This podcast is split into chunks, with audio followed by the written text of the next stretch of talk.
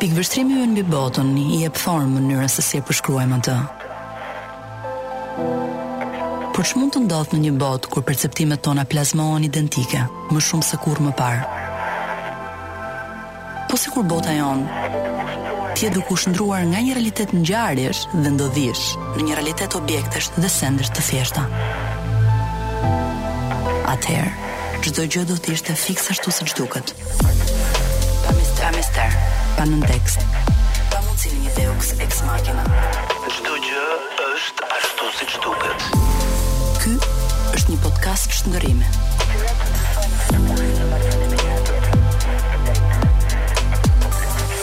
Çdo gjë është ashtu siç duket.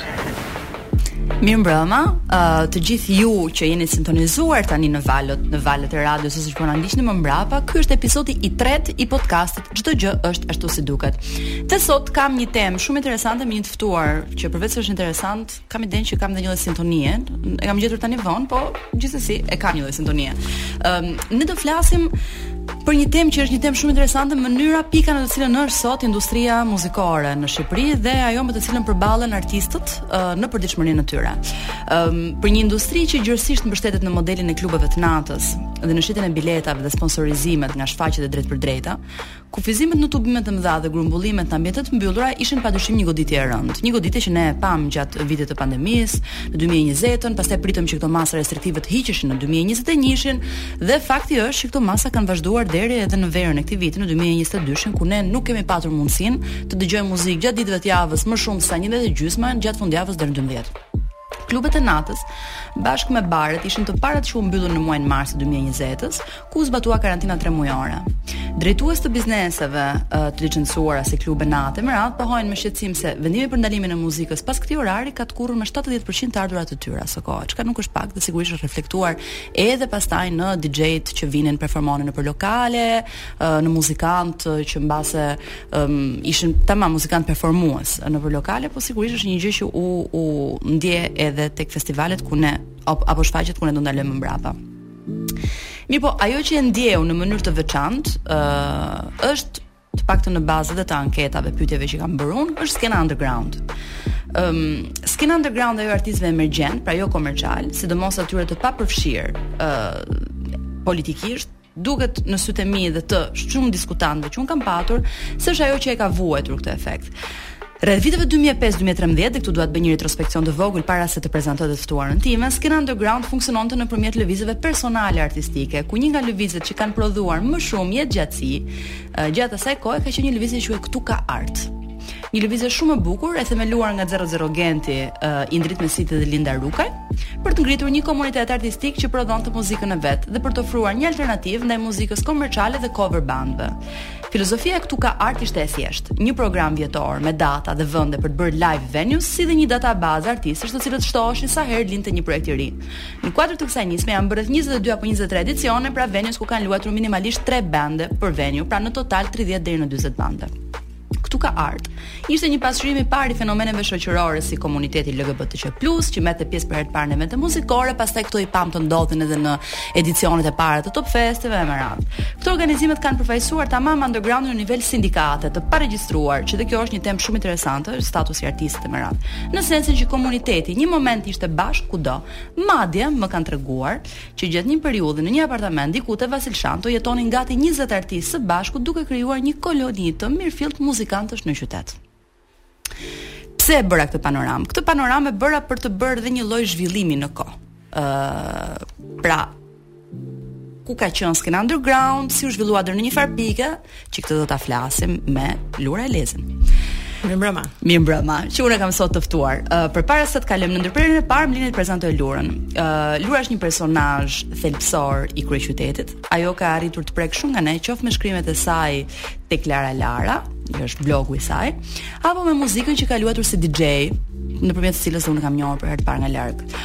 po dhe me mënyra jo të drejtpërdrejta dhe kjo është shumë interesante, siç është dhe profesioni i saj primar, drejtimi kreativ në fusha të ndryshme, veçanërisht në disa nga koncertet më ikonike të artistëve shqiptarë. Mbase, ju që na dëgjoni, keni arritur të shkoni te hapësira e një ëndrre nga Alban Skënderaj, i mbajtur tre net në Tiranë dhe një në Prishtinë, apo te koncerti Tre Musketierët në Pallatin e Kongreseve që bëri goxha jehonë, apo në Time Capsule të Capital T-së, që u mbajt në qendër. ë uh, Kështu që kam idenë që sot do jetë një bisedë shumë e bukur për të parë pikërisht siç folëm si ka lindur ky angazhim, si ka lindur një reangazhim i strukturuar për krijimin e shfaqjeve dhe koncerteve, ku jemi me skenën e pavarur dhe cila është kjo goditje e madhe që ka ngrënë jo vetëm gjatë pandemisë, por uh, sigurisht dhe më mbrapa. Lura, kam idenë që uh, për pak do na duhet të shkëputemi që të kalojmë në publicitet Megjithatë, un do ta vazhdoj edhe pak për momentin, pastaj do mund të të tërhiqemi. Lura, do flasim pak për industrinë muzikore sot? Domethënë cilën? Cilin segment, sepse është shumë e madhe dhe nga t'ia nisim. Nga t'ia nisim. Do ia nisim nga puna jote në radhë të parë, mm -hmm. që është mhm. shumë interesant. Më fol pak lutem si ke arritur të punosh si drejtor kreativ i koncerteve, që le të themi që është edhe një hapësirë e cila Historikisht ka qenë pak e zënë nga figurat mashkullore, pra nga burrat. Po, kjo është e vërtetë. dhe um, njësoj si edhe profesioni tjetër që DJ gjithmonë ka qenë një profesion i burrave, po megjithatë, ë uh, gjërat kanë ndryshuar ngadalë ngadalë, domethënë ca njerëz janë shumë shumë më kollaj të mirëpresin Ca të tjerë bëjnë sikur të mirëpresin, gjithsesi ne nuk dorëzohemi, nuk tërhiqemi kollaj. Ë uh, Kjo ka filluar sepse unë faktikisht merresha me me marketing me, domethënë tamam me reklama, me advertising deri në atë pikë. Dhe nuk është se nuk isha tërkohës në ujërat kreative, në copywriting, në krijimin e, e reklamave dhe të storyboardeve dhe me thënë drejtën jam edhe njof njerëz mjaftueshëm dhe filloi kështu si si muhabete kafeje siç flet si siç ndodh çdo gjë në Shqipëri faktikisht e kam dëgjuar në emisionin tënd që quaje kafen institucion dhe shumë e vërtetë është institucion unë mendoj që në Ballkan në gjithë trashëgiminë e Perandorisë Osmane është institucion po në Bizante pak a shumë po Lura Elezi, ne ta ndërprem uh, hovin e nisjes së diskutimit, kështu që të lutem rilidhe aty ku e le, uh, hyrja jote në si drejtor krijues në organizime shfaqjesh dhe koncerte muzikore. Atëherë, domethënë unë siç thashë tashmë vija nga kjo botë, sepse merresha shumë me marketing, me reklama, me fushata, me advertising, se atë kam studiuar. Dhe lindi për një koncert bëhet fjalë për një koncert të Alban Skënderaj në Prishtinë në 2014 mos gaboj tash se i kam harruar pak dhe më shumë më thirrën si një person që i njoh të dy shtetet shumë mirë se unë kam jetuar edhe në Prishtinë dhe i njoh të dyja kulturat gjithë të dyja por që pastaj aty ndodhi një kimi shumë fantastike me artistin sepse unë u thirra thjesht për këto gjërat për organizim domethënë për njeri terreni më shumë se sa për pjesën kreative dhe Ashtu filloi. Mm -hmm. Dhe me thënë drejtën po të fillosh me një artist të madh siç është Alban Skënderaj, pastaj edhe reputacioni kur kur del gjë është shumë e suksesshme, flet vetë emri dhe fillon të bie telefoni ti e di se si është. Po. Dhe kështu filloi. Pak a shumë vetiu dhe unë e pashë që shijoja shumë shumë shumë se sa reklamat me thënë drejtën sepse reklamat janë nuk janë shumë të lira, janë të shkurtra, domethënë nuk ka shumë hapësirë për të krijuar, nuk kanë shumë kushte. dhe mbeta aty. Mbete në këtë sektor. Ëm um, ku janë sfidat më të mëdha të të ngritjes së një sipërmarrje siç është një koncert, është një gjë shumë e madhe. Cila ka qenë kapaciteti më i madh në audiencë që ju keni patur në në punët që ti ke përfaqësuar? Po, në qoftë se do numërojmë për shembull në në një rast konkret është ndoshta Time Capsule që ishin diku mbi 7000 persona, Por edhe me Alban Skënderaj ka qenë tre net rresht mbi 2000 persona çdo natë, pak a shumë aty bie, po është më më stresuese, domethënë dhe më e bukur është kur janë të gjithë 7000 persona në një vend. Mm -hmm. Po sfidat janë nuk di nga ta filloj sinqerisht, domethënë duke filluar që nga gjëra që na ne na nevojiten që thjesht nuk ekzistojnë në Shqipëri. Për shembull, gjëra të skenografisë për shembull. Okej. Okay. pajisje elektronike që nga këto mm -hmm. gjëra mos. Pastaj kemi me kapacitetin njerëzor ka probleme, jo gjithmonë ke ekspertin, pra e more ti pajisje elektronike më të mira nga jashtë por po për sound, po flasim edhe se s'dua të them pikërisht, po po marr për shembull, mm -hmm. se shumë të mirë kemi pas shqiptarët për sound, por ndonjëherë për zërimin. Pra duhet marrësh të huaj. edhe duhet ta gjesh, duhet të gjesh një që i përshtatet artistit se të bësh një koncert hip hop është shumë ndryshe nga një koncert pop, është komplet univers tjetër. Dhe domethënë pra kemi kapacitete teknologjike, kemi njerëzore që ka problem dhe sigurisht kjo është që është një problem që do ngelet besoj edhe për disa vite është financimi. Po pra, këtë doja të këtu doja të dilja dhe unë, duke qenë fakti që kërkohen dhe njerëz nga jashtë gjithë gjërat me radhë, kërkohet një financim. Ndërkohë që ne përballemi, siç po flisnim edhe përpara se të vinim në këtë podcast, ne përballemi nga ana tjetër me një standard bileta shumë të ulët, shumë të ulta si çmime. Po, kështu thua ti, Jana. Jo, në përgjithësi. Të flasim me ata që na shkruajnë në media sociale. Që duke sharë çfarë ju shkruajnë ju ju pift e zeza. Domethënë varet nga etika personale që kanë, po ka shumë ankesa për çmimet dhe më sinqerisht unë po e them që uh, kemi bërë maksimumin tonë për t'i mbajtur sa më të ulta, sepse produksioni vërtet artistik kushton shumë. Domethënë kushton shumë, nuk shpran që ti është kushton. Mm -hmm. O do ta bësh cilësore ose do ta bësh pastaj po i mbledhim në një rrugicë dhe po vëmë dy bokse dhe kupton. E qartë, po spektakli sigurisht është diçka tjetër. Kështu që kërkon, po themi, shuma të mëdha parash, parash të cilat justifikohen dot me shitjen e biletave? Jo. Domethënë një koncert e mban dot vetëm me shitjen e biletave? Ende jo, në Shqipëri. Domethënë ke parasysh vetë, se ke shkuar dhe unë kam shkuar disa herë jashtë, më e lira që të paguash është 100 euro dhe të jesh në fund stadiumit edhe llogaritë e vet domethënë. Kurse ne kemi besoj do do do do do bëhen skema të reja çmimesh, po 2000 lek, 2500, 3000 lek, 5000 janë, domethënë ato që janë çik pozicione më të mira, pastaj ke edhe varësi të koncertit, ke edhe zona VIP, domethënë pastaj ajo është tjetër gjë domethënë se jo të gjithë artistët e duan atë zonën VIP. dhe nuk nuk dalin absolutisht. Ëndrra ime është që një ditë të të mos kemi nevojë fare të trokasim nëpër dyer as biznesesh private as qeveritare as kush ka për të dhënë për t'i lutur sepse pastaj ajo vjen me gjëra të tjera që unë personalisht nuk i preferoj shumë është që ne mbasi ulemi dhe krijojmë një punë artistike fantastike siç është një poster ajo mbushet me logo nga të gjitha anët dhe unë si njeri dhe i marketingut më shqetëson ajo gjë se po nga ana tjetër Akoma në Shqipëri perceptohet falënderimi nëpërmjet logos, që ka shumë mënyra në fakt për mm -hmm. për, për të falënderuar njeriun që të ka dhënë një kontribut. Po kjo është pjesë, domethënë kjo nuk është komplet uh, fusha ime, po jam gjithmonë prezente kur ndodhin këto gjëra, po më shumë si satelit, se nuk është financimi fusha ime, por e di shumë mirë se çfarë bëhet, sepse në qoftë se nuk financohet, puna ime s'vazhdon përpara thjesht. E kuptova, pra të gjithë duhet të bashkojnë sinergjitë që kjo punë të gjejë sponsorat e vet, që përgjithësisht një pjesë e këtyre sponsorëve janë sponsora institucionesh, një pjesë janë edhe sponsora privatë. Ëm, um, çka janë ato struktura të cilat e mbajnë në një farë mënyre një një spektakël në këmbë. Domethënë ti po më thua që ai nuk nuk mbijeton dot vetëm me shitjen e biletave. Sa sa e thjeshtë është Lura që ti je një njeri i cili vendos të ndërmarrë uh, një shfaqje, një koncert, të shkojë të përfitojë qoftë jo vetëm fonde publike, po dhe të ketë mundësi t'i qaset këtyre sponsorëve të mëdhenj. Pa i zënë në gojë me emra, se ato janë të gjitha kompani po, private pa, po, dhe nëse jo, jo, nuk i zënë dot. Por janë disa sponsora që janë shumë të mëdhenj, janë gjigantë. Ideja është që sa sa gjasa janë që ata të mbështesin një projekt vetëm se është një projekt i mirë, ëh, domethënë për shembull drejtori i tyre i marketingut e konsideron një punë të mirë, dhe sa prej këtyre duhet t'i vijë nga një njeri tjetër, që mund të jetë edhe një institucion shtetëror, po mund të jetë edhe ku di unë një i njohur. Po.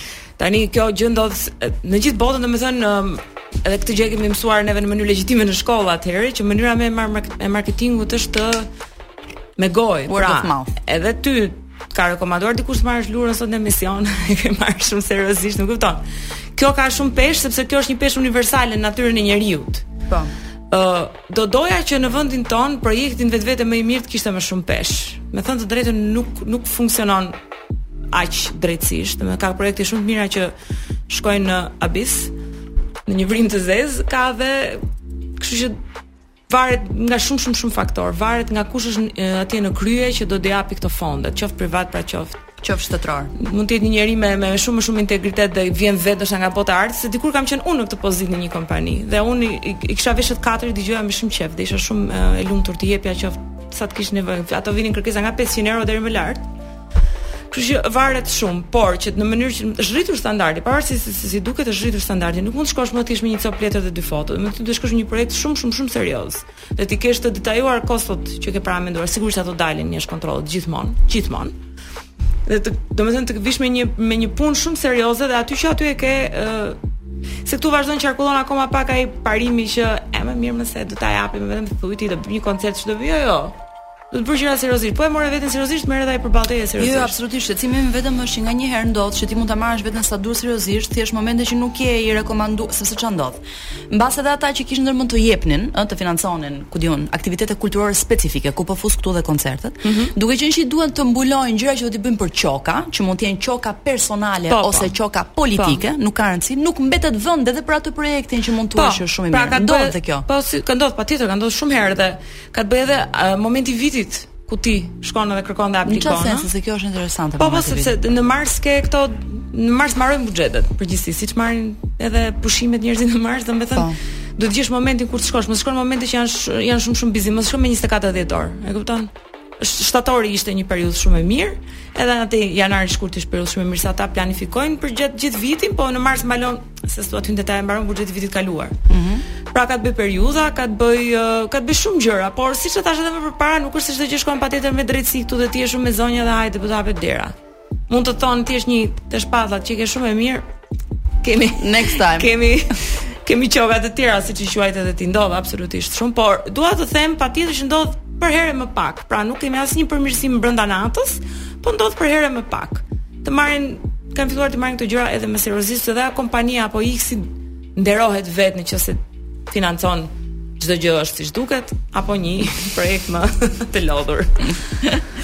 Lura, ëm um, të kthemi pak ke kjo puna e um, një lloj ndarje që kemi parë të ndodhi gjatë periudhës post pandemike. Tani nuk e kemi patur shumë të qartë sepse orari i uh, muzikës U ndalua, vijoi të ishte ora 11 e gjysëm, dim që kjo është një gjë që një pjesë të madhe të bizneseve, sidomos uh, bizneset në linjën bregdetare, klabe etj etj i ka sakatuar për hir të së vërtetës, po, unë po. kam fol shumë uh, me shumë prej PR-ve të tyre, uh, mm. DJ etj etj dhe ka qenë vërtet një goditje e rëndë, e cila eventualisht është është është një goditje që është pasuar edhe tek muzikantët, tek artistët e rinj etj etj. Mund të shpjegojmë pak një një publiku që po na dëgjon, t'i shpjegojmë pak mënyrën se si ë uh, sa sa i rëndësishëm është klabi për një DJ ose për një artist emergjent. E mban mend që folëm pa, po, që po. është e rëndësishme që të bëhet kalimi më pas. Kjo kënga e Shpat Dedës është një nga këngët më soft dhe më të bukura shqiptare, që është një gjë për mua që rrallë të gjesh këngë që janë soft dhe të ndjeshme. Nuk e di pse njerëzit këtu kanë një lloj agresiviteti edhe në muzikën që tash këtu s'ka lidhje me emisionin, por do marr një minutë se unë këtë këngën e kam dëgjuar për herë të parë fare, që kur s'e ka dëgjuar asnjëri, okay. vetëm me kitarë, sepse unë me Shpatin kemi shkuar në universitet bashk. Edhe e, i kishim pak dhomat kështu si te Friends, ne ishim një grup shoqesh dhe ata ishin një grup çunash dhe tha kam bërë një këngë do të ma dëgjoni, nuk ishte. Po ku kshu në jashtë. Okej. Okay. Po, edhe uh, erdhi dhe më pati do ta dëgjojmë edhe ishte për mua dashuri me dëgjim të parë. Kjo okay, këngë, sidomos pëlqej gjithë këngët e Shpatit po kjo. Prandaj. Kjo është histori shumë e bukur. Let's go back ku ishim tek ishim te financat ku ishim ishim ishim me everywhere all over the place jo ishim tek fakti që um, okay ky ka qen këto dy vite kanë qenë të vështira për artistët sidomos për artistët emergjentë uh, siç folëm në fillim nga shifrat që janë raportuar edhe për shembull nga revista Monitor apo nga të dhënat e Instatit dhe me radhë ne kemi pas një shrinking të fitimeve të bareve, klubeve dhe restoranteve me rreth 70%. Kur unë po flisa me njërin prej tyre, më tha që kjo është gjë që pasqyrohet drejtpërdrejt tek DJ-t apo te muzikantët që ne angazhojmë. Po, Mund po. ta thuash pak të lutem? Po, absolutisht. E, e para, domethënë që nga pandemia dhe në këto masat që u morën këtë verë që unë ende jam e paqartë për çfarë arsye ndaloi muzika në 11 se nuk ishin masa të lidhura me pandeminë. Jo, të gjitha janë të gjitha janë të paqarta. Përveçse që të nxjerr dëshirën Uh, domethënë si mund të luash muzikë ti me me orar fiks. Ti mund të jesh në ke mund më në fund mund ta kesh kapur tripin dhe kosovarët edhe frymën në momentin më të bukur dhe të vjen thjesht pronari nga halli dhe dang ta pret. Mua ajo filloi sikur ma ka ulur dëshirën personalisht me 10%. Tjetra është siç the ti mungesa e financave. Ata edhe ngaqë u shkurtuan dhe orët dhe këto pronarët e lokaleve u detyruan edhe të kërkonin paguanin edhe më pak. Shumë DJ-a po thirreshin shumë më pak përfshi veten time. Unë nuk e kam profesion primar, siç edhe thashë. Po e ke po, pasion. E kam, po e kam me qejf dhe e kam ndier që është shumë shumë më pak. Mhm. Mm Mirë, po kjo ndërkohë që nuk është një problem shumë i madh për mua, sepse unë si të thuash i kam kaluar ato vitet e qejfit shumë të madh DJ 10 vjetët e para, është problem për të tjerë që janë në ngritje, emerging, në rritje, siç kam qenë edhe unë, ndoshta fiks para 10 vjetësh faktikisht dikur tani kam përvjetorin që fillova të luaj kështu publikisht. Përvjetorin DJ Lëkut. Po. Është problem për ta sepse ashtu fillon. Se si do fillojë ndryshe, si, domethënë, duke lujt, nuk mund të vësh ti një set tënd në TikTok, në Instagram, duhet të vish në lokal që të fillojnë të duan njerëzit. Njësoj edhe me këngëtarë, dhe ka këngëtarë me, që janë me shumë emër sot që kanë filluar thjesht duke kënduar lokaleve. Nëse në fund, domethënë drita në fund të tunelit nuk është kur të këndosh apo të luash muzikë tërë jetën në lokal. Po të flasësh me çdo artist, të paktën me 90% se s'mund të flas në emër të të gjithëve të garantoj që do të thonë që uh, vjen një pikë që nuk duan më lokale, por është shumë e rëndësishme për fillimin edhe mesin. Nuk duan më, duan festivale, duan koncerte, duan të shkojnë jashtë etj etj, po është edhe këto 3 vjet unë nuk e kuptoj domethënë pse unë vazhdoj të mendoj më duket si personale që u godit kjo industri në këtë farë feje edhe biznesmenët që kanë lokale po dhe artistët që janë pjesë e kësaj Edhe mua sepse nga ana tjetër është e paqartë kur ti kërkon për shembull informacion për këtë gjë të thonë që në fakt ky është një vendim që nuk lidhet dhe aq me ndotjen akustike publike, se sa është një vendim që Ministria e Brendshme vazhdon e ka në bazë të direktivës për çështjet e Covidit, pra shumë e paqartë. Sepse le të themi që në gjithë këto vite ka dhe lokale të cilat kanë investuar për të bërë ato që janë izolimet audio sonore. Edhe ato janë shumë të kushtueshme, nuk e di a të kanë thënë janë shumë. Më kanë thënë që janë po, po, shkojnë po. deri në miliona euro investime. Shumë, natyrisht po. Kështu që në këtë sens ka patur një problem shumë të madh dhe njerëzit vetë për shembull unë kam hasur njerëz që kanë zgjedhur mbase t'i bëjnë pushimet dhe jashtë Shqipërisë, për arsye që tash kanë kanë edhe dashur të argëtohen pak. Më kupton, nuk më duket nuk më duket një krim të kërkosh. Uh, Dhe se këtu ka edhe një problem tjetër krahasuar me jashtë, se jashtë nuk është një vend, është Shqipëria është një vend, po le të marrim. Patjetër, bëmë një çikë ndarje, po u bë më shumë një ndarje pragmatike për bisedën. Desha të bëj unë një ndarje, faktikisht se unë e bëra ndarje që uh, të në Tirana, për Tiranën mund të flas, por gjithë Shqipëria nuk të ofron edhe asgjë tjetër. Domethënë, kjo është një zhgënjim tjetër shumë i madh për mua, pavarësisht se unë e thashë që mendoj që gjërat po ecin mirë me hapa të vogla. që skena artistike është është është e frikshme. Pse duhet të jetë vetëm argëtim është dhe kjo pyetje? Pse duhet të jetë vetëm argëtim një koktejl? Pse? Për ti, përderisa ti mua nuk më ofron absolutisht asnjë gjë tjetër, që unë të mbushem me muzikë, me art, me atë që kam nevojë se kam punuar tërë ditën, atëherë pse e ke nxjerrë thikën në qafë jetës natës, domethënë me çizmen e Gestapos, tu nuk akoma jam e paqartë dhe më më mërzit shumë kjo temë, sepse edhe unë si unë si ti s'kemi çfarë bëjmë tjetër, duam dalim pimë një gotë, edhe të thotë Jemi goca të rritura më në fund, e kupton? Kemi lekët tona dhe vjen të thotë ik në shtëpi. Ç' çfarë kuptimi ka vjen të ik në shtëpi. Ik në shtëpi se do të çohesh herët nesër. Por e thënë në terma të tjerë për ata që mbase na dëgjojnë dhe është shumë interesant, unë këtë bisedë e kam bërë ca herë me njerëz nëpër tavolina dhe ka njerëz që thonë, "Oh, mirë, ato tani na filluan u ankuan se i ulet muzika se nuk dalin dot kërcejnë etj etj." E di që një nga revenue streams më të mëdha të qytetit të Berlinit, si komunë, domethënë është pikërisht të ata që jetojnë jashtë Berlinit apo jashtë Gjermanie, të cilët vijnë në fundjavë vetëm tu rave. Po. Dhe ky ishte një raport që e kanë nxjerr Deutsche Welle përpara disa javësh. Ata kanë 24 orë para ti si mbarojnë. Po, dhe ata kanë kuptuar që po. në këtë lloj industrie që është industria e argëtimit ata mund të kapitalizojnë, që do të thotë edhe për vet industrinë e brendshme, ekonominë e brendshme të një qyteti, komponenti i jetës së natës është një komponent i rëndësishëm.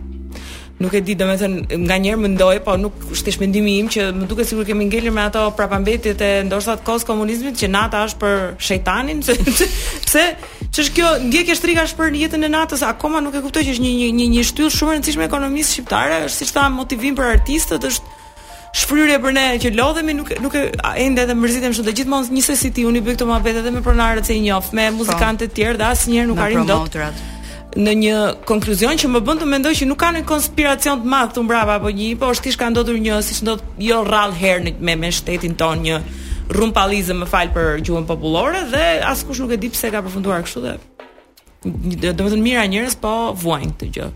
Xhani Demika, i cili është menaxher uh, artistësh, thotë ka thënë për revistën për një revistë ekonomike se situata e pandemisë që ka prekur rëndë sektorin dhe situata post-pandemike sigurisht ka ndikuar tek pagesat e artistëve të cilët kanë nisur të ofrojnë performanca muzikore për 50% më pak se sa që kërkonin në vitin 2019.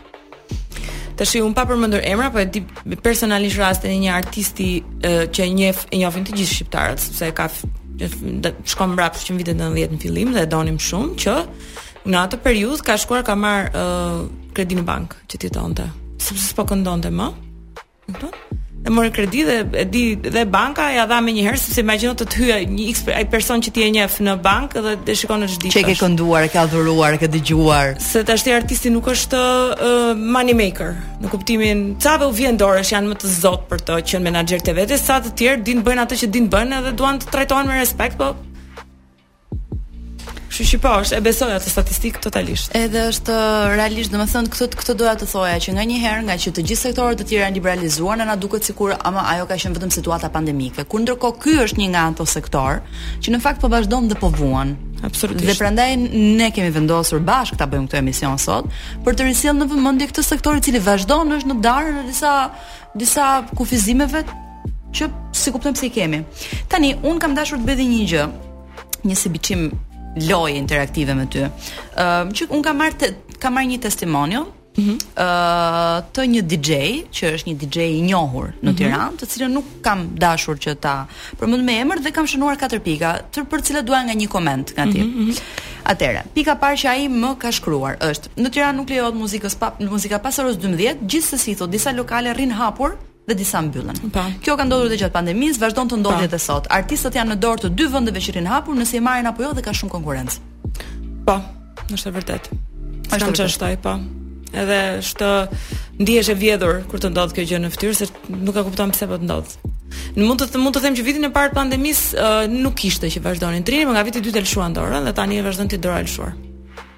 Dhe përveç faktit që ka konkurrencë në një farë mënyre unë nuk e di, për shembull unë si konsumator e kam shumë siklet ato lloj lokale sepse më duket sikur unë po vazhdoj dhe po financoj një gjë të tillë nga ana tjetër. Po nga ana tjetër ti as nuk e gjen veten aty se kam qenë unë te disa po, nga këto lokale se un dal me xhiron e kuriozitetit më shumë në fakt. Ti bën një kështu një market research. Po, tamam market research personal bëj. Nuk ti nuk gjen veten një milion arsye aty, se aty janë bashkuar të gjitha shijet dhe të gjitha llojet e njerëzve. Është një melting pot po, kulturor. Po, po nuk është në në në mënyrë romantike melting pot, nuk është rrugë te Manhattan, është është është nuk di çfarë të them, domethënë, edhe për kjo është një arsye që unë shkoj më. Domethënë ka shumë arsye që nuk shkohet aty dhe aty është bërë thjesht si cash cow, nuk e di si i themi mm. lopë e para për njerëz të caktuar dhe është e pakëndshme komplet kjo situatë. Prandaj them që dhe kjo nga ana tjetër është interesante. Uh, ideja është llogarisni që kur jeni duke shkuar në këto lloj vendesh, që janë që vazhdojnë mbajnë këto dopio standardin, pyesni vetëm veten kujt po ja jepni këto para dhe se si po vazhdoni po mbani në këmbë një padrejtësi që është një padrejtësi shumë e madhe. Po duan të dalin ata o Ana. Duan të dalin, pra duan të dalin, po tani ka njeriu dhe një lloj social standing, një qëndrim moral, thotë jo. plako. Unë këtu nuk shkoj. Kupton sepse është e padrejtë ashtu edhe për Lurën që është shoqja ime që është. Vajtë dy herë dhe nuk shkoj më domethënë. Far. U vendos tavolina. Okej, kalojmë ke pika e dytë. Festivalet, flasim për festivalet një çik. Se edhe kjo është interesante, festivale kemi pas mo këtë verë festivale, fest këtu, fest aty, fest atje, fest festivale ka shumë, por të njëjtët artistë thot performojnë. Ndikimi nuk ka nevojë për të dhëna që ta evidentosh. Artistët në një skenë ku duhet të paguash shefin e zonës për të performuar mbas dymbëdhjetës, thotë, nuk e di, nuk e kam thënë unë, nuk e kam të vërtetuar, ma ka shkruar. As unë s'e kam vërtetuar, po s'do ishte habi fare, sidomos në jashtë Tirane. Janë në dorë të promovuesit. Mundësia që një artist të krijojë një cep të vetin dhe të bëjë atë që di është zero. O je artist i madh ose you are crushed. Çdo gjë është ashtu siç duket. Unë jam Ana Shkreli dhe jam me Lura Elezin. Ë uh, Lura e lamë që do ta kujtoj atë you're crushed you're crushed you're crushed. Po, po, po. Pra, ideja ishte edhe një herë që kur folëm për uh, skenën artistike dhe për artistët pas orës 12 etj etj, thotë mundësia që një artist në këtë situatën që ne jemi të krijojë një cep të vetin dhe të bëjë atë që di është zero, o je artist i madh o you are crushed. Tashi artist i madh është çik fjalë e madhe, por po. gjithashtu edhe kjo është një dukuri që mua më pickon dhe nuk e kuptoj. Nuk jam shumë i qartë pse ndodh. Domethënë, mm. arsyeja ime primare është uh, çka kam parë në përgjithësi me me me, me bizneset shqiptare në tërësi, është frika për të guxuar. Domethënë, kemi një gjë komplet jo konspirative këtu, është uh, nuk guxojnë. Thonë, "Ah, i eci këtij me këto pesë uh, artista, hajt se po i marr dhe unë."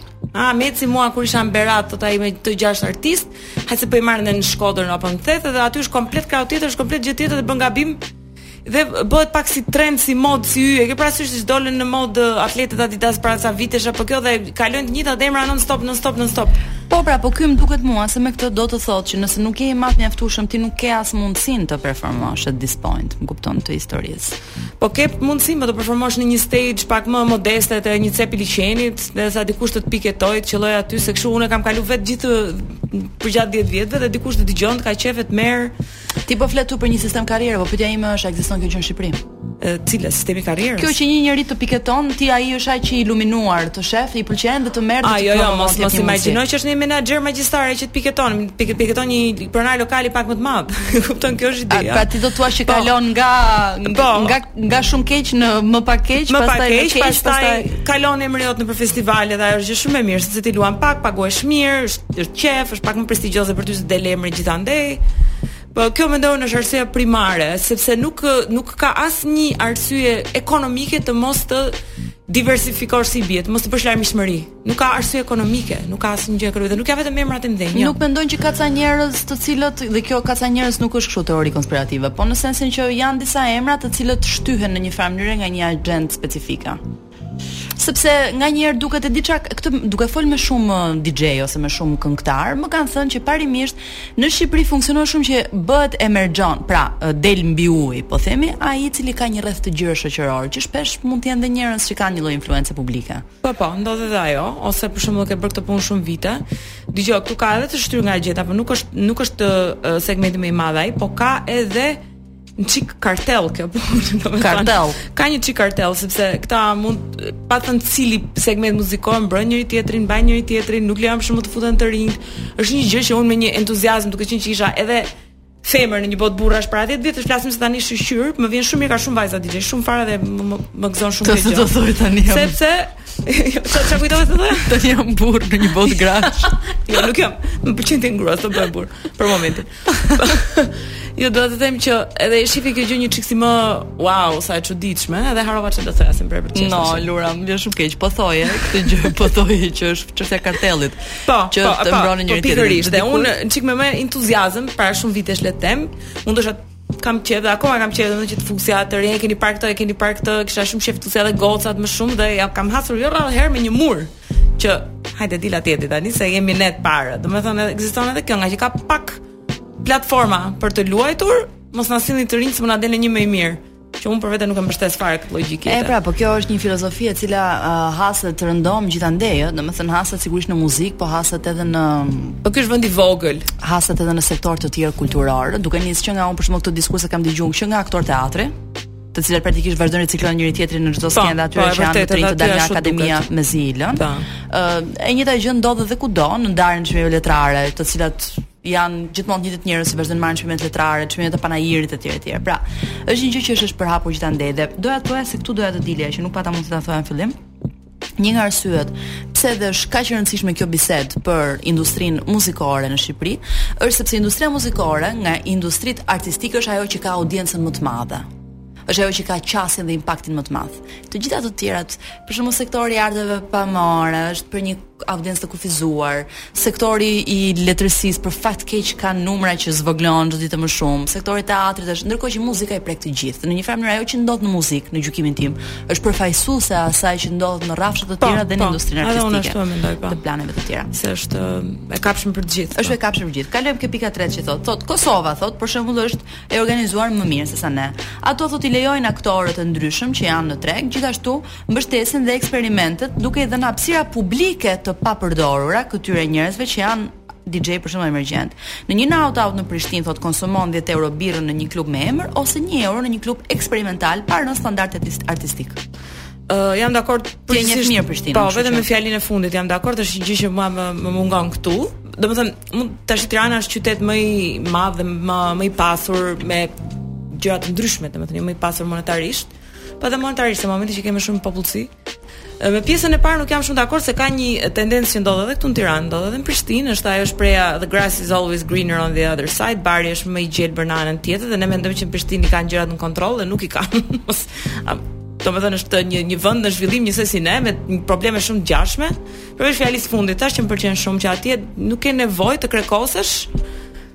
Këtu këtu te ne s'ka në mes, nuk ka as fare birr 200 lekëshe.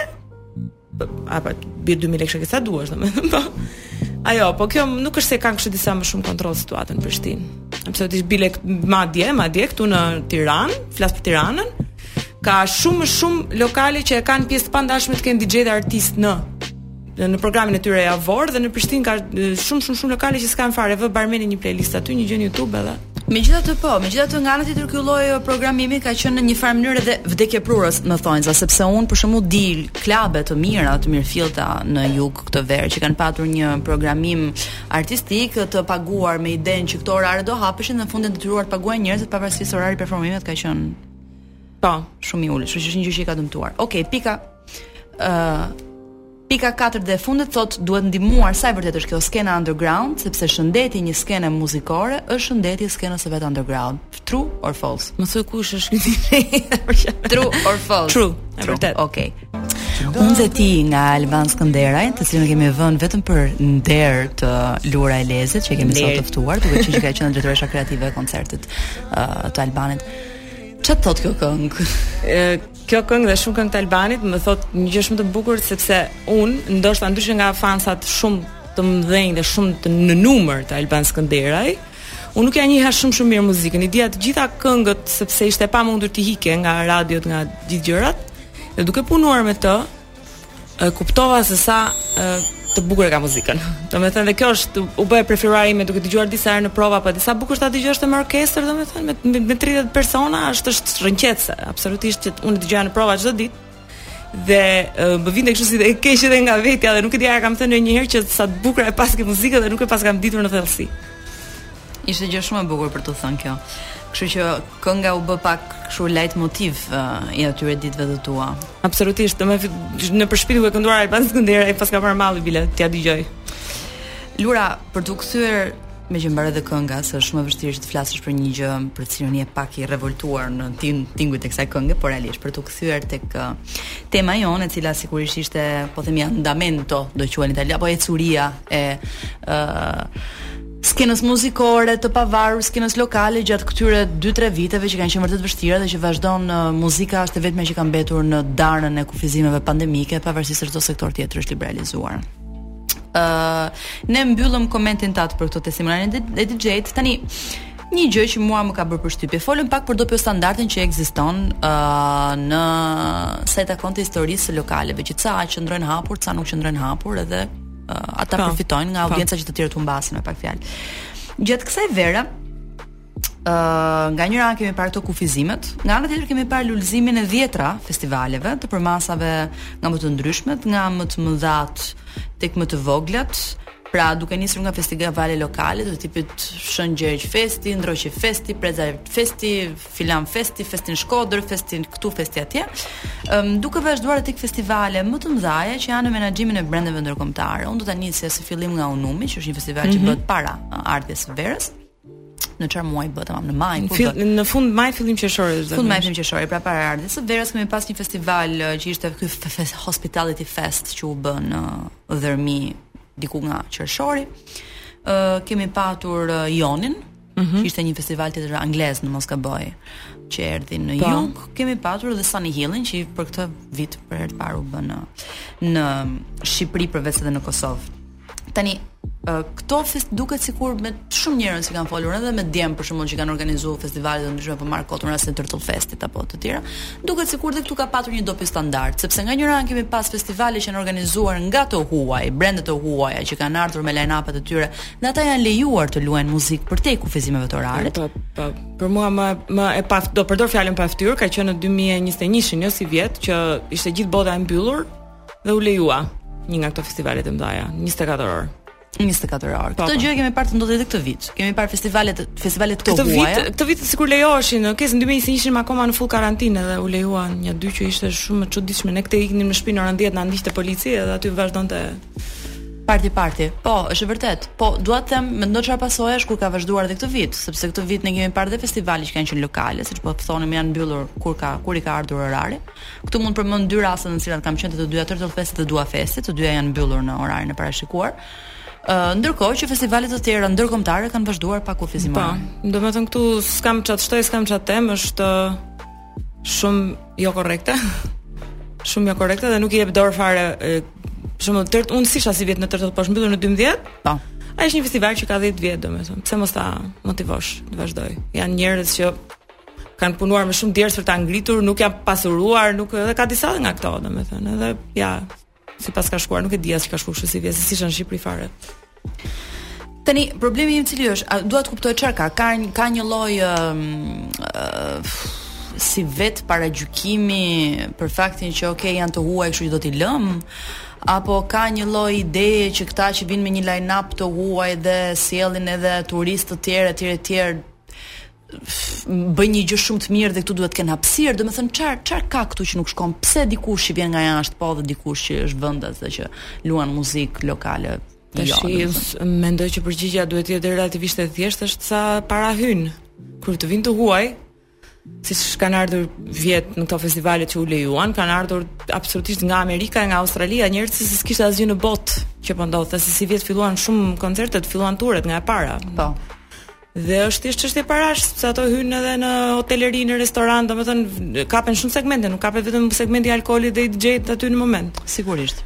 Këtë kjo kjo është ajo çfarë mendoj, ndërkohë që këto festivale që përmendëm ne që janë pak më lokale, jemi unë e ti që shkojmë gjithmonë tek te rash o vlem atje lart ku kam fjetur unë të rjetën, domethënë edhe jemi pak më konsumatorë më modestë sepse ngaqë jemi dhe në vendin tonë nuk e kemi ndarë për të harxhuar 2000, siç e ka ndarë ai tjetri që do po vijë për shkak. Kjo është e vërtetë, por nga ana tjetër është dhe një element tjetër që do të thotë turistin që ke ta mbash, do të thotë nëse turisti që ke të vjen në Shqipëri dhe he's actually having fun. Ëm um, në radhë të parë një një pjesë të ditëve nuk do i kalojë as në Greqi aty ku ka menduar ai që të kalojë kufirin dhe shpenzat, sa kohë po mund të vazhdojë të qëndrojë këtu. Pra këto festivalet që janë lokale, pavarësisht se mund të mos sjellin njerëz, mund të mbajnë njerëz. Teksa uh, flisnim tani m'u kujtua që në fakt kanë qenë festivale të tjera, ka qenë South Outdoori që u mbajt, ka qenë uh, Kala Fest etj etj, pra kanë qenë shumë. Edhe për dhe tani për këtë po flisnim, për faktin se si shpesh janë favorizuar këto festivale, të cilat janë sponsorizuar dhe organizuar nga të huajt, uh, sepse me sa duket kanë llogaritur një revenue stream të ardhura më të ngritura se sa me ato që janë vendas e ku ndërkohë nuk ka pse të jetë detyrimisht ashtu. Megjithatë mendoj Lura, që mbase një nga arsyet pse un për shembull, pse ata nuk janë të interesuar tek un uh, si audiencë brendshme është edhe kjo. Uh, që në këto festivale un u futa për përpara se të bënim këtë uh, të strukturonim bisedën bashkë dhe pash posterat e këtyre festivaleve, të gjitha që kanë ndodhur, këto festivale që janë organizuar në Shqipëri. Dhe më rezultoi që në radhë të parë mbi 60% të këtyre rasteve janë jo vetëm të njëjtin i njëjti line-up, siç po flisnim më parë, Po janë dhe të njëjtët organizator të këtyre festivaleve. Po, se harrova ta them që para më që më solle. Po, yes, please. Uh, një arsye tjetër që ndodh i njëjti line up është sepse uh, mos harrojmë që jemi një industri, është kjo është industri shumë e re për Shqipërinë dhe ne nuk dimë shumë shpesh se çfarë bëjmë. Dhe çfarë mungon në mënyrë konstante është për festivalet, kjo është pikërisht drejtori kreativ, drejtoresha kreative, sepse uh, është detyra e tij dhe e saj dhe paguhet për atë gjë për ta bërë sa më të ndryshëm festivalin. Nuk besojnë akoma shumë fort në këtë gjë. Mblidhen aty çfarë un do ta quaj që ti e di që jam feministe, një manel, një panel kryesisht, kryesisht jo gjithmonë, me burra dhe mendoj sepse edhe pse që mendojnë që edhe nëse po ngrejnë kranin edhe ku di un po bëjnë ato sound sistemi mund të vendosin edhe për line-upin edhe për këto gjëra. Pra, ne jemi shumë mbrapa edhe me ca gjëra të tipit për pozita të caktuara që duhet të ketë, që duhen paguar për këtë gjë. që mund të jenë vend, vendas mund të jenë të huaj, po le të jenë të huaj, s'ka problem se vendasit i shikojnë se çfarë bëjnë ata dhe pastaj e bëjnë vetë, si çdo gjë tjetër. Nuk ka njerëz që të kujdesen për artistikisht për këtë gjë. Nuk, domethënë ka mendoj unë që ka shumë më pak se ç'duhet të ketë. Shumë pak e marrin seriozisht që të kenë një person vetëm për këtë gjë. Siç jam unë në koncerte, jo në festivale. Po, po kjo mua më duket sikur kjo që thua ti, domethënë për fat të keq është një çik edhe një lloj detyri, një lloj problemi financiar, domethënë që Çfarë ndodh? Sa herë që ti nuk ke financim për një sektor, fillon dhe tkurr ato që janë pozicione që normalisht do duheshin përfshirë. Të jap një shembull paralel meqë të pëlqejnë librat, uh, dhe jeni familjarisht të përfshirë në këtë uh, sek sektorin e librave, po është edhe fusha ime kryesore e interesit. Ëm uh, të has gjithmonë më shumë njerëz rrugës që kanë një inat të madh me botuesin dhe thonë që se në kohë t'Enverit kur e hapje atë librin që ishte botuar nga shtëpia botuese Naim Frashëri apo shtypshkronja 8 Nëntori nuk gjeje gabime drejtshkrimore dhe madje të vinin një fletë nga një faqe të vogël nga mbrapa që thonë edhe ti thua po mirë e dini ju që duke qenë ent publik nuk e di se sa redaktor në sa redaktor kalonte ai libër Çfarë dua të them me këtë? Me këtë mm -hmm. dua të them që duke qenë që librat shtypeshin minimalisht në 10000 kopje, aq ka qenë tirazhi standard, ti kishe mundësi ë uh, të kishe hallka të ndryshme pra staf të vazhdueshëm. Kurse sot libri është kaq i vdekur në thelb dhe shitet kaq pak dhe industria është kaq e vogël saqë ty nuk të mundëson ta kesh edhe atë redaktorin që është tamam uh, i pikas çdo lloj gabimi dhe është një njerëz shimatar. Po, po vetëm se unë nuk, un nuk e fal këtë gjë, se më kujtove se dje po lexoja një libër që kishte gafa, domethënë po vinte për të qarë, nuk është e pranueshme. Unë nuk po them që kjo është gjë që duhet falur. Është një gjë që ndodh edhe te muzika, domethënë. Nuk mendoj që duhet falur, por po mundohem të them që kjo është diçka që vjen edhe për shkak të mungesës së madhe të financave që ka sektori, sepse në fakt E di si është puna në këto sektorët artistike apo kulturore, mua më duket sikur ato vetat përfundojnë që bën tuto fare. Domethënë ti bën dhe këtë, bën atë, bën atë, ndërkohë që nuk duhet të ishte ashtu, domethënë ti jo, ke një punë, ashtu punën, ashtu është dhe me koncerte dhe me çdo gjë tjetër, nuk duhet të ishte ashtu fare. Nuk duhet të jetë, pra duhet të jetë një person që të kujdeset që unë që pagova, s'ka rëndësi se sa lek, a ishte biletë e shtrenjtë apo ishte biletë e lirë, ti të më kënaqësh nga të gjitha anët, që nga arti që ti ke vendosur momentin që unë hy, tek line-upi që ke zgjedhur, edhe tek pse jo një tok apo nuk e di tash se po flas kështu se s'e kam idenë. Thashë me festivale kam përvojë shumë të limituar, unë e kam me koncerte që është një artist kryesisht, edhe artistë të tjerë shoqërues që kanë bërë bashkëpunime me këtë. Po që ka, domethënë përveç mungesa finance kemi kemi gjithmonë shumë qejf t'i biem vetëm lekëve, ne kemi mungesë kapacitetesh pra, ne nuk e dimë si bëhen këto gjëra. Jo më larg se dje isha me dy bashkëpunëtorë të mi shumë të dashur me të cilët bëjmë koncertet e ndara dhe po diskutonim se si ndër vite kemi kuptuar që duhet të marrim ca njerëz në punë që më përpara nuk i kemi konsideruar si profesione kyçe. Për shembull. Po për shembull po mendonim ishte ideja e tyre se ata janë organizatorët më shumë në këtë pjesë për një duhet një stage manager. Ne kemi zakonisht skenograf, ke mua që e kam programin përpara dhe e kam një lloj ide, po jo duhet stage stage manager, kjo është shumë specifike e industrisë domethënë Që sepse kur vjen puna dhe e ke uh, një rrëmujë në stage kush kush do ta marrë përsipër rrëmujën. Kupton? Domethënë unë kam hedhë në letër që ja do e bëjmë kështu këtu kemi muzikantët, këtu kemi balerinën këtu. Më pëlqen shumë pyetja jote kush do ta marrë përsipër rrëmujën. Mendoj që kjo mund të interpretohet në një mijë forma filozofike dhe metafizike. Po pra. Edhe një njerëz që del të bëjë një fushatë elektorale mund të dali vetëm me sloganin kush do ta marrë përsipër rrëmujën dhe një fytyrë. Shumë saktë. Është beautiful është kjo. Dhe duket që ti je marketer se prodhon edhe kur nuk mendon të prodhosh. Po, cop, copywriter në fakt kam po, qenë në fillimet e karrierës. Duket. Po, dhe duhet të merret përsipër rrëmujat e ndryshme, rrëmuja akustike, rrëmuja vizuale, domethënë edhe nuk i shkon mendja të paguajnë dhe mendojnë se po kursejnë. Po, një një popull i pazhvilluar mjaftueshëm, se nuk mund të themi që jemi shumë të pazhvilluar, nuk e kupton që po kurseve do të shkojë më keq, këtu do të jemi më mbrapa. Tani unë kam një teori timen, të cilën dua të ma hedhësh poshtë. Ta shohim. Po, sepse kështu jemi. Çdo gjë është si duket, jo nuk është si duket, jo është s'është. Ëm, për mendimin tim, dhe prandaj e lidha, arsyeja pse janë të njëjtat line-up-e është sepse janë të njëjtët organizatorë. Dhe kjo për mua nuk vjen vetëm nga mungesa e aftësisë ose ose e padijenisë ose e sipërfaqësisë që okay mua këto katër veta më pëlqejnë unë këto katër do ripropozoj. Vjen dhe si për arsye që duke qenë që këto katër vetat janë ata që marrin financimet për arsye të ndryshme, ata nuk kanë nevojë ta tejkalojnë veten shpesh. E di se është puna their good enough.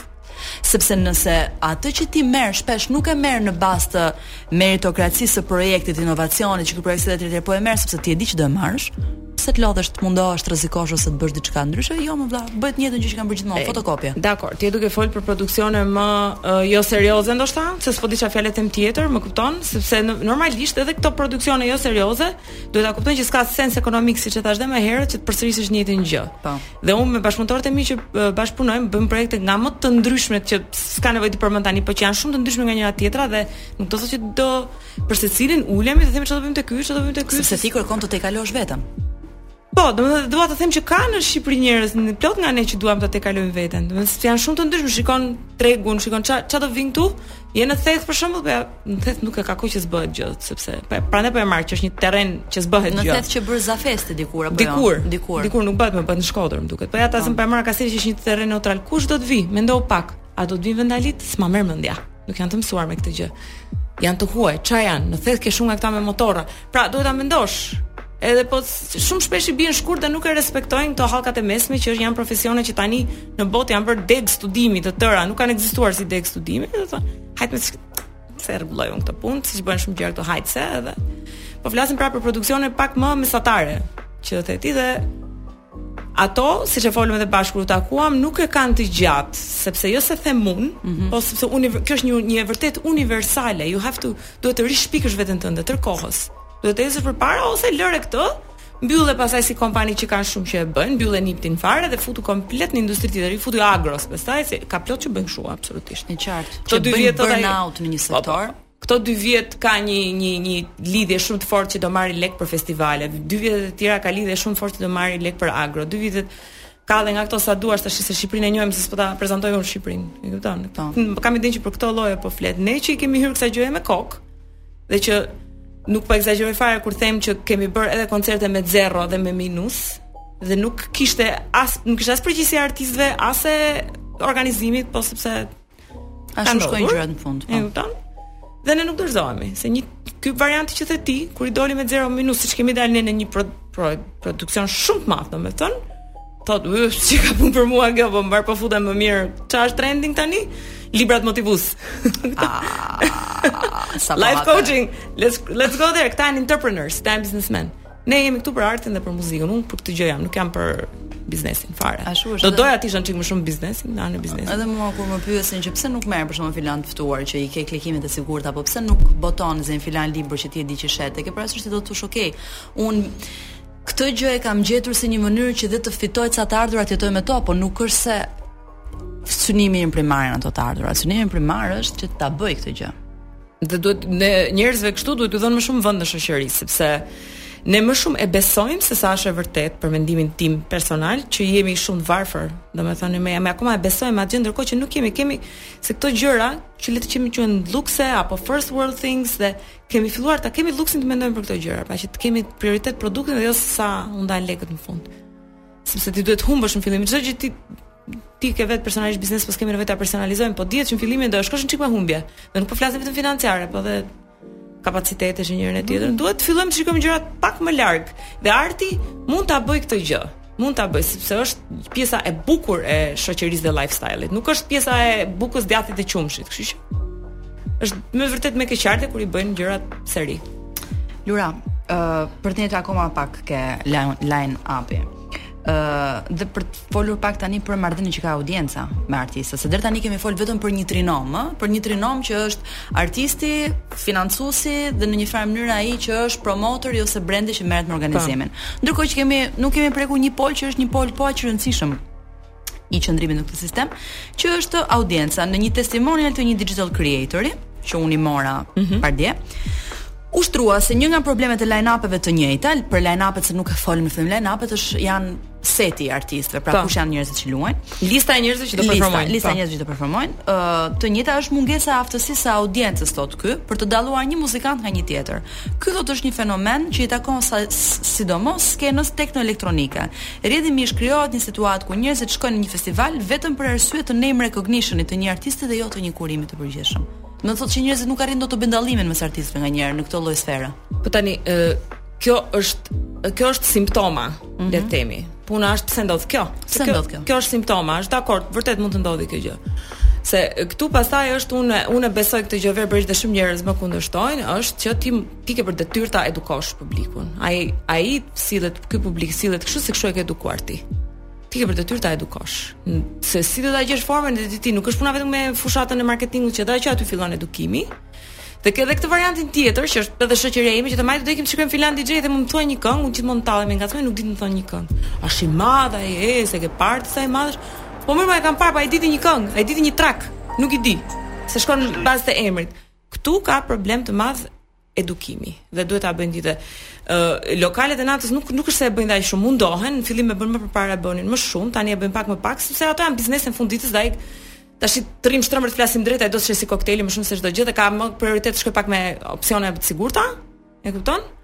Kështu ti mund ti ti edukon popullin, është shprehja e Old Time, pula bëri vezën apo veza bëri pulën dhe unë mendoj që ne duhet ta edukojmë. Kjo është një këngë shumë e bukur, ka një tekst shumë bukur, ka një ritëm shumë bukur. Është tamam ato këngët që të kujton me dal me pi natën në Prishtinë realisht. Mm -hmm. Lura pse e ke zgjedhur këtë këngë? Se kjo është në listën e këngëve që ke zgjedhur ti. E kam dëgjuar për të parë kam qenë studente jashtë, nuk e dija fare kush ishin Cute Babulja, kush ishte Genc Salihu dhe nuk ndaloja dot së dëgjuari gjithë albumin. Nuk thjesht nuk ndaloja dot, domethënë, sepse është tamam masterpiece muzikore, domethënë. Dhe pastaj kur shkova te në Prishtinë kur u diplomova, fati më deshi që u bëra shumë shok me Gencin. Dhe ngelet një ndër këngët e mia të preferuara të gjitha kohërave, jo jo shqip. Kështu që thjesht preferencë desha kisha qef. Shumë e bukur. Faleminderit, e meritonim. Uh, po flisim për shijet e audiencës, po thonim që ka dikush ka një lloj detyrimi për ta edukuar audiencën uh, muzikalisht. Tash pyetja ime është, ok, le ta heqim bollin, e heqim topin nga lokali. Lokali nuk ka detyrim, lokali do vetëm të marrë pagesë. Lokali është biznes, lokali është biznes. Iku. ë koncerti, organizatorët e koncerteve nuk kanë detyrimin dhe ata praktikisht mbahen me bileta që shesin me sponsorët. Okej, okay. sponsori nga ana tjetër do atë që është këngëtar i famshëm i njohur etj etj, sepse është ai që në një farë mënyre i jep imazhin, pra investon ke imazhi i tij. Kush e ka detyrimin të, të edukojë audiencat muzikalisht? Kjo është një pyetje që s'ka një përgjigje, sepse këto gjëra në botë, që përmendëm pak më herët skenën underground, se si është e, e komplet e braktisur, lindin në mënyrë shumë natyrale. Mm -hmm. Domethënë edhe bendet më të mëdha, më të mëdha në planet kanë lindur në mënyrë aq natyrale. Kjo gjë shkon të gjithë janë përgjegjës nga pak, edhe lokalet janë pak për të promovuar një gjë pak më. Domethënë pra edhe lokali duhet të ketë një person që ka një le mos themi që e paguan për menaxher artistik, por ka një dell edhe rri tërë kohës, shikon se çfarë bëhet. edhe koncertet, festivalet ndoshta më shumë se çdo gjë në fakt, më shumë se koncertet, se koncerti është për një person. Po pra tani për festivalet rikthehemi ke puna line-upeve, prandaj ata e kanë detyrimin që do të thotë çdo ent, entitet, sidomos entet publike, në gjykimin tim, ky është opinioni im, sidomos enti publik, në momentin që vendos të financojë një festival të tillë, duhet të ketë disa parametra që të thotë për shembull në këtë festival, ok, kemi artistë emergjentë, Cilët janë këto artistë emergjent? Sa emergjent janë vërtet? Ku kanë luajtur etj etj. Pra disi është si një rregullore. Për shembull ti në Kanada ke një rregullore në radio që ty të, nuk të lejojnë që të mos luash kaq përqind këngë që duhet të jenë këngë patjetër këngë kombëtare. Mm -hmm. Sepse ata thonë që ne unë ne e kuptojmë që për shembull këngët e United Kingdom apo apo të Amerikës kanë më shumë audiencë. Por ideja është ne do bëjmë një punë edukuese. E njëjta gjë do të ndodhi me struktura që janë të financuara publikisht, që do të thotë ato duhet të kërkojnë që në bazë të këtij financimi të ketë një pjesë e vogël që janë pikërisht këto artistë të kësaj skene që edhe ata të kenë mundësi të ngrihen pak një gjë për tu bërë po, në gjykimin po. tim. Po edhe këtu kthehemi prapë tek ajo shpresa se s'pam vjen as shpreh më e mirë, pula për vizën apo viza për pulën. I takon festivalit të kamap të vi me planin apo i takon financuesit? Financuesit e ne është entitet privat kryesisht. I takon festivalit Lura, financuesit i takon të bëj checking, të kontrolloj nëse nëse këto parametra takohen. Po pra i takon festivalit, po edhe festivalit ka mungesë kapacitetesh, pra kush, kush do të thënë ku janë pra këta njerëz, nuk di si ta shpjegoj domethënë, është pak është një situatë kaotike gjithandej sepse ai që i futet tek festivalet kryesisht futet për të bërë lek, edhe siç thamë 100 herë deri tani domethën, pa ashtu okay. që Mirë, çështje tjetër ashtu. Tani, Pse artist, pse jo vetëm artistët, po të gjithë njerëzit që janë të këtij sektori. Për shembull, një nga gjërat që është vuajtur më shumë ka qenë çështja e organizimit në sindikata.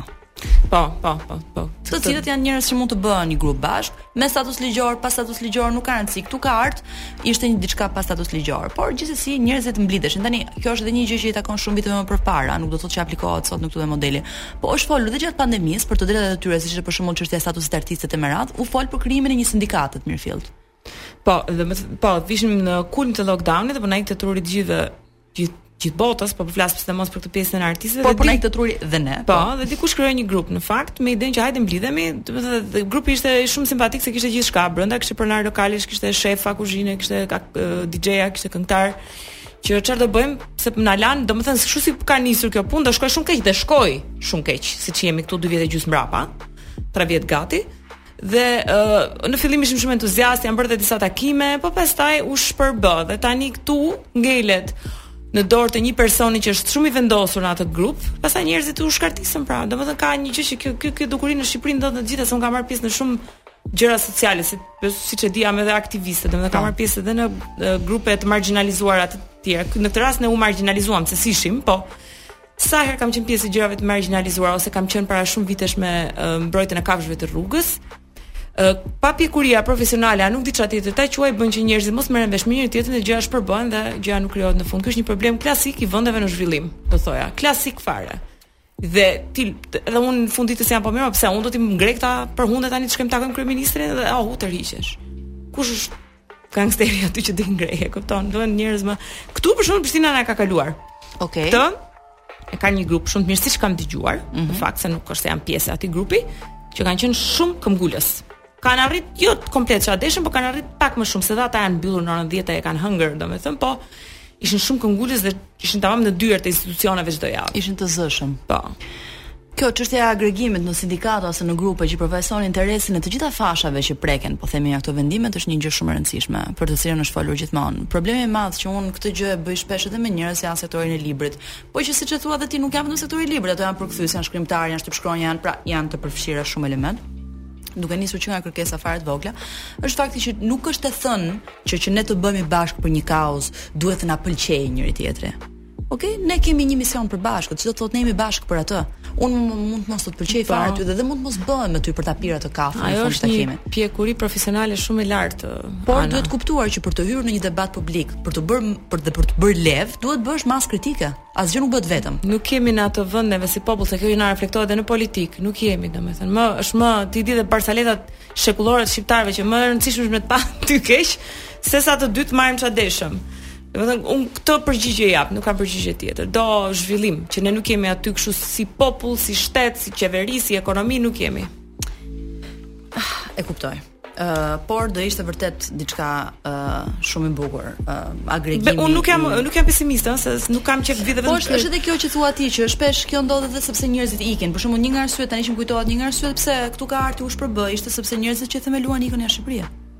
Po ikin se nuk ndihen vlerësuar këtu dhe artistët janë numri 1 që nuk ndihen Mjaftueshëm të vlerësuar këtu. Çështja është që ti mendon që nganjëherë po të qëndrosh dhe të vazhdosh ta bësh atë valvulën e presionit, në një farë mënyre gjërat mund të ndryshojnë, kurse një lloj gjakderdhje e vazhdueshme në të cilën të gjithë ikin, domethënë është vështirë të krijosh atë që është presioni publik, po themi, apo masa kritike një. Pikërisht dhe un personalisht nuk nuk më bëhet fare qefi kur njerëzit largohen. As mua, sepse ë uh, rri dhe lufto, thjesht fare. Dhe me gjithë ekzilin që s'ka lidhje me industrinë time, siç kanë ikur me të madhe, po ikin inxhinierë, po ikin staf mjekësor, që është sidomos në Gjermani, që është një gjë që mua personalisht nuk po më pëlqen, më vjen shumë mirë për ato individë, se ndoshta kanë qenë kushte të këqija në Shqipëri, po ë uh, ça do ndodhë me vendin tënd, pastaj shkon atje dhe thua ja po ai vend s'bëhet, po tashi rri ti edhe ndoshta dhe bëhet, e kupton. Kështu që prandaj them nuk unë nuk nuk dua të shpreh pesimizëm, unë thjesht po shpreh problemet që janë këtu. Po po, jo, nuk është nuk është një emision pesimist. Po. Është thjesht një diçka që ngre diskutim. Dhe as negativitet sepse jam shumë e lodhur me njerëzit që vetëm shajnë, sepse dhe po. media sociale pate dhe ti një episod interesant për media sociale na mbush me negativitet si këtu asgjë s'po ecën. Në këtë industri që jam unë 10 vitet e fundit ka ecur. Ndoshta ju nuk e vini re, populli nuk e vë re, ka ecur që nga sa më shumë profesionale bëjmë në organizimet, edhe fakti që është rritur çmimi nuk është gjëkundi aty ku na duhet ne, domethënë për ta nxjerr vetveten, ecin shumë ngadalë. Domethënë është një siç dihet në çdo gjë suksesi nuk është një vijë e drejtë, por është një lëmsh i madh, është dy hapa majtas, një rrëzim, dy ha pesë hapa lart, edhe kështu është dhe kjo bota jon, domethënë. Lura. Uh, për mua kjo uh, ora jonë e diskutimit mbaroi shumë shpejt. Se u kënaqëm. Unë do doja shumë ta kishim vazhduar. Më duket kemi edhe një 5 minuta. Kemi edhe një 5 minuta, po thjesht doja të të përgatisja aty që tani jemi pak a shumë në hyrje të fundit. Kjo është hyrja jonë e fundit, ë uh, dhe pyetja jonë e fundit. ë uh, dhe pastaj do ndahemi edhe me Lurën. ë uh, Lura, Unë kam një pyetje të fundit për ty që është interesante shumë sepse një nga gjërat që bëjmë ne këtu është që sjellim edhe një lloj ato që janë uh, fjalë ose thashetheme të përgjithshme çfarë mendojnë njerëzit pak a shumë që shprehin nëpër tavolina dhe mundohemi ose të rrëzojmë si mite ose të të dëftojmë në një farë mënyrë pse ekziston ky lloj prekonceptimi. Janë ngritur shqetësime që shtimi i konsiderueshëm i eventeve publike falas, siç e kemi parë të ndodhë, domethënë kemi pas shumë evente publike falas, krahas bllokimit të skenës së pavarur nga ana tjetër me sanksione, krijon në mënyrë të nëndheshme, pra të mbase të paqëllimshme ose të paorganizuar, pra nuk ka një teori konspirative pas kësaj, një kulturë dhe mendësi të centralizuar, ku konsumi i artit dhe i artist i dhe artistët vetë janë 100% në këtë moment në dorë të institucioneve financuese. si rrjedhojë mund të përdoren prej tyre. Tani sa e rrezikshme mendon ti që është kjo për pavarësinë artistike dhe zhvillimin e skenës në mënyrë demokratike? Domethënë mendon që është një lloj rreziku eminent që sigurisht nuk është çështje vetëm që ndodh në Shqipëri, jo, kjo është një gjë që mund të jetë ka përhapje në të gjitha vendet e Ballkanit, apo në të gjitha ato që janë industri të vogla muzikore. Por sa e rrezikshme është? këtu janë dy dy gjëra të ndryshme. Ne si organizatorë privatë le të themi, nuk i preferojmë shumë shpesh këto gjërat që bëhen falas në shesh sepse ë uh, i krijojnë njerëzve pritshmëritë që s'duhet paguajnë për art. Po pra, këtë këtë kjo është një gjë që më shqetëson. Dhe ulin dhe standardin, se tashti ato prapëseprapë nuk janë, nuk është se po derdhen fonde aty kush e di se ça, domethënë po, bëhen. Po, sigurisht. Gjëra goxha të inskenuara. Dhe pse ky i fundit që isha unë që pashë, nuk e kam idenë as kush organizoi asgjë isha aty spektatore Rita Orës, m'u duk shumë i mirë, nuk m'u mhm. duk tipik gjë sheshi. Okej, okay, por Rita është edhe një standard tjetër. Po, po, ka qenë edhe para disa vitesh dhe nuk ishte në këtë standard që erdhi sivjet. Prandaj okay. them që gjërat uh, vin duke u përmirësuar. Vin duke u përmirësuar. Kështu që ë uh, dhe jo, nuk nuk besoj që nëse të ndoqa mirë, nuk besoj që krijon, domethënë që këta artistë të varen nga këto institucione. Jo, jo, jo, artisti do gjithmonë sepse këto gjëra që bëhen kështu edhe falas në shesh nuk ka shumë kontroll artisti vetë as çfarë po bën, as nuk e ka audiencën e vet, sepse aty vijnë njerëz që thonë hajt se ka një gjë te sheshi. Nuk është audienca e tyre, domethënë është një gjë që duhet të ndodhi sepse shteti ka njerëz që nuk përballojnë dot bileta dhe kanë dhe ata nevojë të shikojnë gjëra të bukura dhe drita të bukura dhe robota. Po nuk nuk mund të ndodhë shumë shpesh. Deri tani besoj ka ndodhur me një tempo okay. Nuk duhet të ndodhë shumë shpesh se nuk i bën mirë askujt. Por duhet patjetër siç thashë për popullin, sepse jo të gjithë nuk ia dalin dot fare të paguajnë një biletë 30 3000 lekë, 5000 lekë të reja, domethënë. E kuptoj. Thjesht nuk duhet të funksionojë si një lloj modus operandi. Dhe pyetja ime e fundit, nëse do ti do kishe mundësi të komunikoje një mesazh apo sado klishe që kjo gjë mund të tingëllojë, që t'i kërkoje konsumatorit, dëgjuesit muzikor, atij që të vjen kur ti organizon një koncert, nëse do kishe mundësi t'i thoje diçka, të komunikoje për diçka, cili cili do ishte në një farë mënyre mesazhi që që do kishe dëshirë të jepje. Nuk e që nuk e kisha menduar sepse unë punoj me njerëz që vijnë aty sepse janë fansa. Mhm. Mm të çmendur të. Okej, okay, tani nuk po flet me fansa, tani po flet me njerëz që kalojnë dhe thonë si thua, ikim këtë fundjavë te ky koncert? Unë uh, do t'i thoja që është është një para shumë mirë e investuar, shumë më mirë se një bluzë e prodhuar në Pakistan, e kupton? Është sepse Gjëja më e rëndësishme që mund të bëjë njeriu për veten është të blejë eksperienca dhe jo objekte, kjo është e para. Dhe të gjitha këto janë eksperienca. Janë gjëra që ti flet për vite, ndërkohë që për atë bluzën që bleve nuk do flasësh për vite. Mm -hmm. Dhe do t'i them që sa më shumë të marrin pjesë, sa më shumë të merrni pjesë, qoftë edhe kur nuk është artisti yt i preferuar, aq më shumë na jepni neve hapësirë që t'i bëjmë gjithmonë më mirë këto gjëra, sepse ti duhet të si brumin pa e bërë 100 herë nuk të del siç duhet dhe ne duhet të, të kemi mundësi ta bëjmë disa herë dhe pa publik nuk bëjmë dot që të sjellim dhe nuk është larg ajo ditë që do sjellim produkte të standardeve të Evropës Perëndimore edhe edhe artistë kështu gjigantë siç ishte Maluma që ishte që është artist gjigant që ishte në mars që e sollën që ishte me të vërtetë një mrekulli sepse ne kemi sjellë po nuk i kemi sjellë kur kanë qenë hot right now kemi sjellë Scorpions-at e kupton kështu gjërash që dhe ne të kemi mundësi të sjellim Njerëzit më fire që janë tani në botë. Kështu që konsumoni atë konsumoni eksperienca dhe jo produkte. Kjo që the më pëlqeu shumë dhe për njerëz të tjerë, jo vetëm për mesazhin e konsumit të eksperiencës dhe jo të produktit. Sesa dhe për faktin që të gjithë duhet kuptojnë që ne mund të kontribuojmë për atë që është krijimi i një kulture. Për shembull, unë gjithmonë i them njerëzve që për mua njerëzit duhet dalin në protestë edhe nëse nuk i pëlqen ku diun, edhe nëse nuk është kauza e tyre primare. Po. E di pse? Sepse është e rëndësishme që në këtë vend të krijohet kultura e protestës.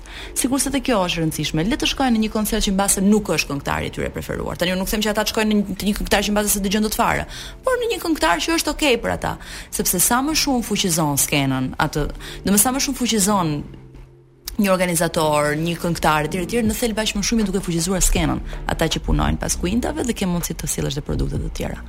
Them kjo mendoj që duhet t'i lëmë njerëzit me këtë mesazh. Unë të falenderoj shumë që ishe sot me ne, që ndenje gjithë këtë kohë me ne. Faleminderit që më thirre, se pata mundësi të them gjëra që i, i, i lë në nivel kafe gjithë kohës dhe tash mund të shprehim. Janë më të kuptuar ne njerëzit më mirë, njerëzit, çfarë po bëjmë. Njerëzit kanë mundësi ta po. dëgjojnë dhe sigurisht do të reflektojnë radhës tjetër që kur bëhet një koncert, thotë unë do shkoj sepse kam detyrim civil në këtë pikë që shkoj. Yeah, po. Kaloni mirë bashkë bashkë ju lë me Elton Dedën, ah, po. ë uh, që e meriton t'ju lë me Elton Dedën dhe ridëgjohemi të enjten që vjen. Natën e mirë. Natën.